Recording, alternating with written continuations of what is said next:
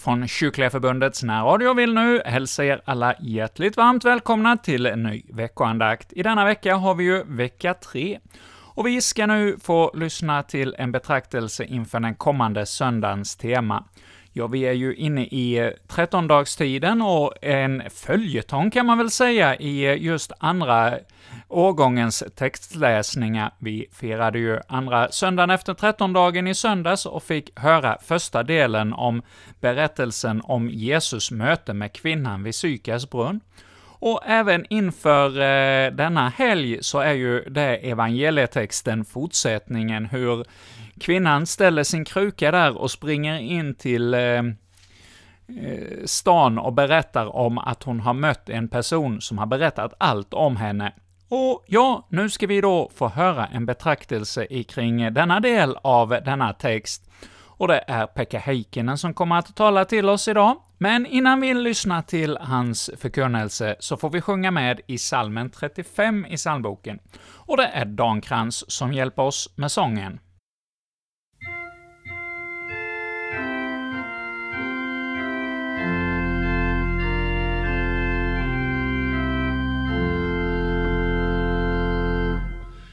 Din spira Jesus sträckes ut så långt som dagen hinner.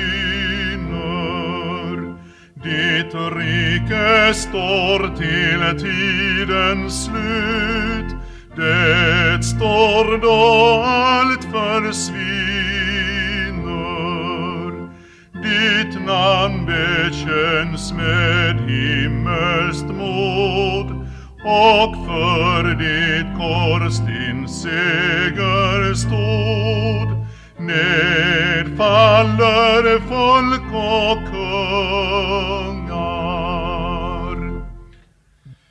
Det barn som föds till dig man bär, till dig man flyr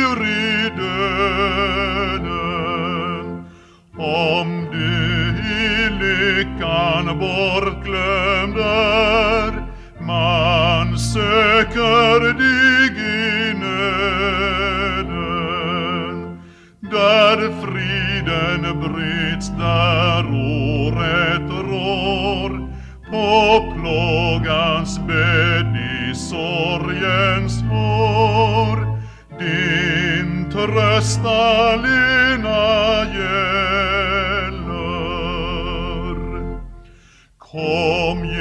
Jesus, var i ve och väl, i liv och död oss nära. Och göt i var förkrossad själ, din ande med din lära. Och styrka giv till hela och samla oss i evig frid då du all världen dömer.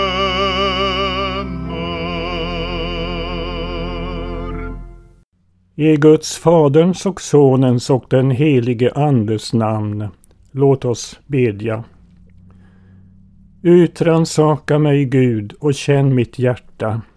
Pröva mig och känn mina tankar och säg till om jag går på en olycksväg och led mig på det eviga livets väg. Amen.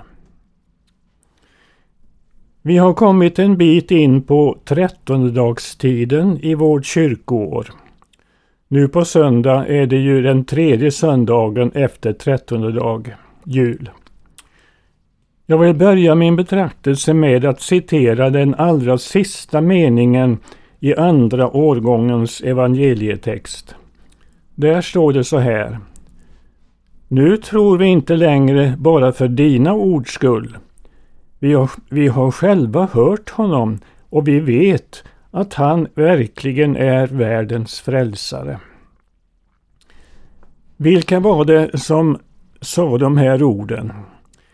Jo, det var invånarna i den samaritiska staden Sykar.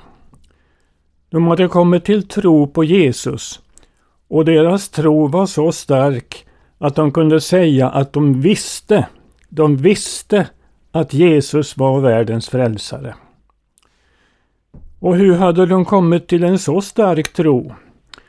Jo, först genom att en kvinna i deras stad hade träffat Jesus utanför staden vid Jakobs brunn. Och Jesus samtal med henne där vid brunnen, det hade gjort ett så djupt intryck på hennes hjärta att hon började tro att Jesus var den frälsare eller Messias som Gud hade lovat sända och som judarna gick och väntade på. Hon lät sin vattenkruka stå där vid brunnen och gick in i staden och vittnade om Jesus för stadens invånare. Och genom hennes vittnesbörd kom många till tro på Jesus. Men det stannade inte vid det. De gick nämligen själva ut ur staden till Jesus och de bad att han skulle komma in i deras stad och det gjorde han. Han stannade till och med två dagar där och predikade Guds ord för dem.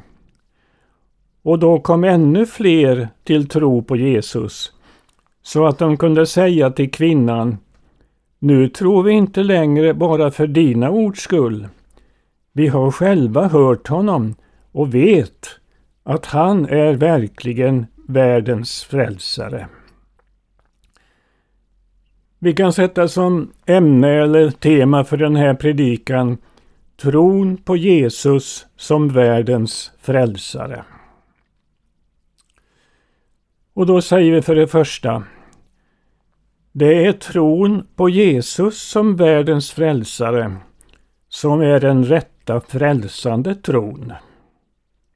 Den rätta frälsande tron. Det finns nämligen mycket här i världen som kallas för tro, men som inte är den rätta frälsande tron. Den rätta frälsande tron, det är den tro som ger syndernas förlåtelse och evigt liv och salighet. Men många som säger sig tro, de tror inte ens på Jesus utan de tror att det finns en högre makt som de kallar för Gud. Och så inbillar de sig att de genom den tron ska få komma till en bättre värld efter döden. Andra tror visserligen på Jesus, men inte på honom som världens enda frälsare. De tror kanske att Jesus var en ädel människa men inte mer än människa. De tror kanske att Jesus var en stor filosof och den finaste etiska förebilden som finns. Men där stannade deras tro. De erkänner kanske att Jesus är grundare utav kristendomen som en världsreligion. Men därmed blir han ju inte större än Muhammed eller Buddha eller någon annan grundare utav världsreligioner. Nej, vilken tro är det som är frälsande? Det är tron på Jesus Kristus som världens enda stora frälsare. Den tro som den samaritiska kvinnan fick och som många i hennes stad också fick. Den samaritiska kvinnan var en ökänd, otuktig kvinna i staden. Kanske var det därför som hon hade fått så dåligt rykte och hon gick ut till Jesus vid brunnen mitt på dagen när det var som allra varmast, då man inte brukade gå ut i hettan. Men då råkade hon på den person som kände henne bättre än någon annan. Jesus berättade för kvinnan, precis som det var, att fem män hade hon haft och den man som hon hade nu, det var inte hennes man. Men Jesus han stannade inte med det. Hon hade kommit för att hämta vatten ur brunnen, men då erbjöd Jesus henne ett vatten som han kallar levande vatten och som är så underbart att den som dricker det blir frälst för evig tid. Han erbjöd sig alltså att frälsa henne. Ja, han avslöjade för henne att han var den Messias och frälsare som Gud hade lovat sända och som judarna gick och väntade på. Jesus skapade på det sättet ett, det förtroendet för henne i hennes hjärta att hon kunde hoppas på alla sina synders förlåtelse och ett evigt liv efter döden. Det var den tron, i den tron som hon gick tillbaka till staden och vittnade för stadens befolkning om Jesus. Och det vittnesbördet fick som vi hörde fantastiska följder. Och jag upprepar det som jag sa förut, att eh, folket fick en så stark tro att de kunde säga att de visste, de visste att Jesus var världens frälsare. För den kristna tron, det är någonting högre, det är ett högre vetande än eh, förnuftets vetande eller det vetenskapliga vetandet. Det är som det står på ett ställe i Hebreerbrevet. Genom tron förstår vi att världen har skapats genom ett ord av Gud så att det vi ser inte har kommit till av något synligt. Alltså genom tron förstår vi det. Så går vi över till predikans andra del och säger att den frälsande tron på Jesus den kan uppstå i människors hjärtan genom både manliga och kvinnliga lekmäns vittnesbörd. Vi har redan hört vilken underbar kraft som det fanns i den samaritiska kvinnans vittnesbörd om Jesus. Nu betonar vi särskilt att hon var lekman. Hon var alltså inte någon församlingspräst. Det får ju Kvinnorna får ju inte vara församlingspräster och undervisa i kyrkans gudstjänster. Aposteln Paulus stryker mycket kraftigt under detta i Första Korintierbrevets fjortonde kapitel. Där skriver han så här. Om någon menar sig vara profet eller andligt, andligen utrustad så ska han inse att det jag skriver är Herrens bud. Men om någon inte erkänner detta, då är han själv inte erkänd. Det här är ju en fruktansvärd varning och en hotelse. Det innebär ju att den kvinnan som låter prästviga sig och den som understöder henne i detta, de kommer inte att bli erkända som Jesu egna i den yttersta domen. De får alltså höra de hemska orden Gå bort ifrån mig, jag känner er inte. Med tanke på detta är det obegripligt att kvinnor vågar låta prästviga sig och att biskopar vågar viga dem till präster.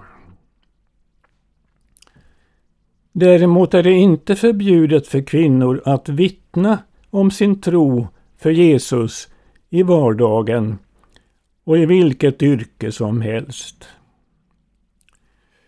Och det har oräkneliga kvinnor gjort under kyrkans historia. Tänk bara på hur många mödrar det är som har undervisat sina barn om Jesus som världens frälsare och som har gett sina barn en kristen fostran. Hur många kvinnor är det inte som har varit söndagsskollärare eller lärarinnor i skolorna år efter år, årtionde efter årtionde och som på det sättet har utbrett Guds rike. Somliga män har därför allvarligt undrat om det inte är så att kvinnor har gjort mer nytta i Guds rike än alla männen tillsammans, inklusive de manliga prästerna. Det är genom sekulariseringen som det har blivit sämre med kvinnornas insats. Nu då det inte längre är populärt att föda barn, åtminstone inte flera barn eller många barn. Kvinnor ska ju nödvändigtvis förverkliga sig själva som det heter och göra karriär så som männen. Och då försummar de och föraktar den särskilda kallelsen de har fått utav Gud just så som kvinnor. Men det är inte bara kvinnliga lekmän som ska vittna om Jesus som världens frälsare, utan även manliga lekmän. Och många utav dem har blivit riktiga pelare i Guds församling. Johannes skriver i sitt första brev Jag skriver till er, ni fäder.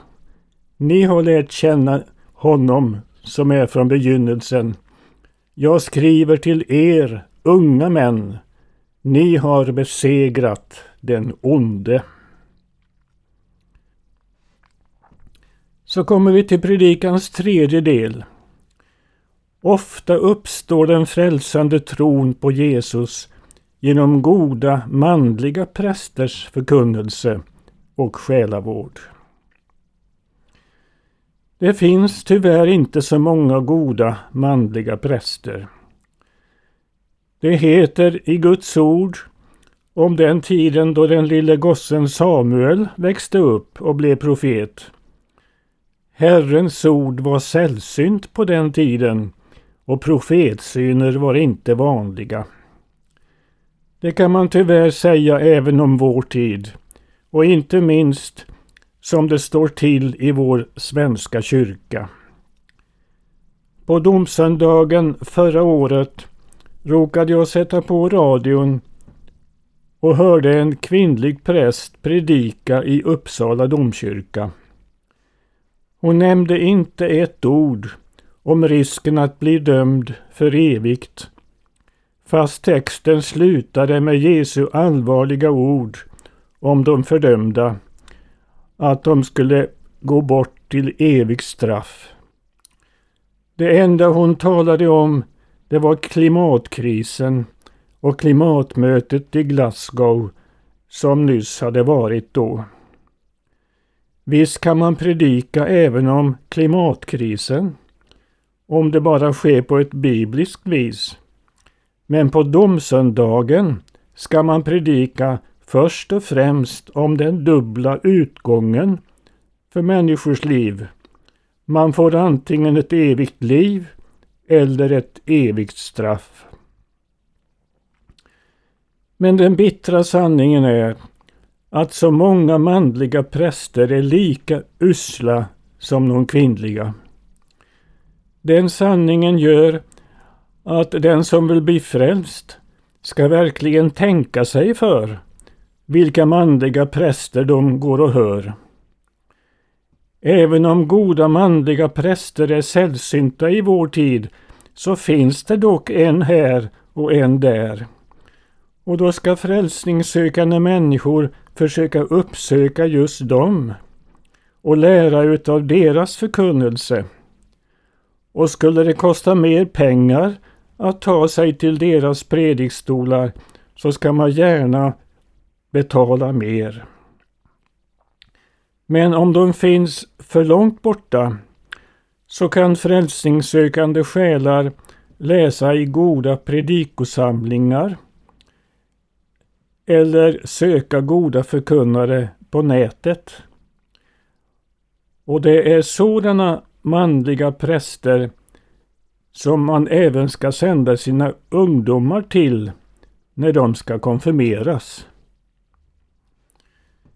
Om det eventuellt finns någon ung människa som lyssnar på den här predikan och du ännu inte är konfirmerad, då ska du be Gud om nåd att finna en allvarligt sinnad präst som inte gör konfirmationstiden till ett skojeri. Ta vara på det som han lär dig. Gå varje söndag och hör hans undervisning. Och du ska inte sluta att gå i kyrkan när du har blivit konfirmerad. Även om inte någon annan utav kamraterna följer med så ska du ändå fortsätta att gå till gudstjänsten. Det är nämligen bättre att vara Jesu vän än denna världens vän. Be Guds ande att han skapar den frälsande tron på Jesus i ditt hjärta. Och du ska inte vara rädd att bekänna din tro för människorna. Visst kan du få lida en del för din tros skull. Men du ska veta att det är du som drar den högsta vinsten. Du vinner nämligen dina synders fulla förlåtelse och ett evigt liv tillsammans med Jesus och hans vänner. Så har vi kommit till predikans fjärde och sista del. Tron på Jesus som världens frälsare skapas bäst genom ett flitigt läsande av Guds ord i Bibeln. I Bibeln. Det finns knappt någon bok i världen som är så föraktad som Bibeln. Då undrar jag hur det är med dig som lyssnar till den här predikan. Läser du Bibeln? Eller försummar du det? Du kanske går i kyrkan, men du läser inte Bibeln. Du menar så som så många att du inte har tid. Eller du kanske skäms för att visa att du har så stora andliga intressen. Om det förhåller sig på det sättet, då ska du veta att det verkligen står mycket illa till med din kristendom. Du föraktar nämligen den källa där Guds ord är som allra starkast.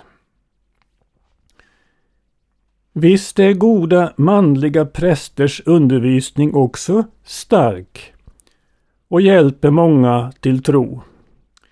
Och visst finns det andlig styrka även i manliga och kvinnliga lekmäns vittnesbörd om Jesus. Men ingenstans är Guds ord så starkt som i Bibeln. För där är Guds ord fullkomligt på alla sätt. Det är också så att medan man så snart glömmer vad en präst har predikat på söndagen och likadant glömmer vad någon lekman, lekman har vittnat om Jesus så är det positiva med bibelläsandet om man läser varje dag. Det positiva är att man ständigt, dagligen blir påmind på nytt om Guds ords sanningar. Så om du inte har börjat att läsa din bibel dagligen, då ska du börja nu innan det blir för sent för dig. Du kan snart bli så sjuk att du inte kan överhuvudtaget läsa. Börja nu när du är så frisk att du kan läsa. Och du ska läsa helst både morgon och kväll. Och är du nybörjare så ska du börja med Nya Testamentet och läsa bok efter bok och kapitel efter kapitel och inte hoppa hit och dit. Och när du har läst Nya Testamentet ett par, tre gånger så kan du börja med Gamla Testamentet. Eller helst läsa det ena testamentet på morgonen och det andra testamentet på kvällen. Och då kommer du snart att uppleva att det finns ingen, att ingenstans är Guds ord så starkt som i Bibeln. Och det är inte så konstigt. För det är med Bibeln som Paulus skriver i Andra Timoteusbrevets tredje kapitel. Hela skriften är utandad av Gud och nyttig till undervisning, till bestraffning, till upprättelse och fostran i rättfärdighet. För att Gudsmänniskan ska bli fullt färdig, väl fostrad för varje god gärning. Kära lyssnare, tänk om vi alla kunde bli sådana fullt färdiga gudsmänniskor. Amen. Låt oss bedja. En dyr klenod, en klar och ren, oss unnats här att äga. Den pärlor, guld och ädelsten på långt när ej uppväga. En skatt den yppersta på jord får vi vår egen kalla.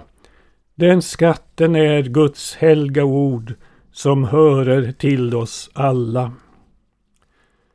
Det kära ord, det enkla ord som människor dock förgäta. Var är en mänsklig visdomsbord som sig därmed kan mäta? Var giver världen oss en grund så fast att därpå bygga som ordet av Guds egen mun, det eviga och trygga.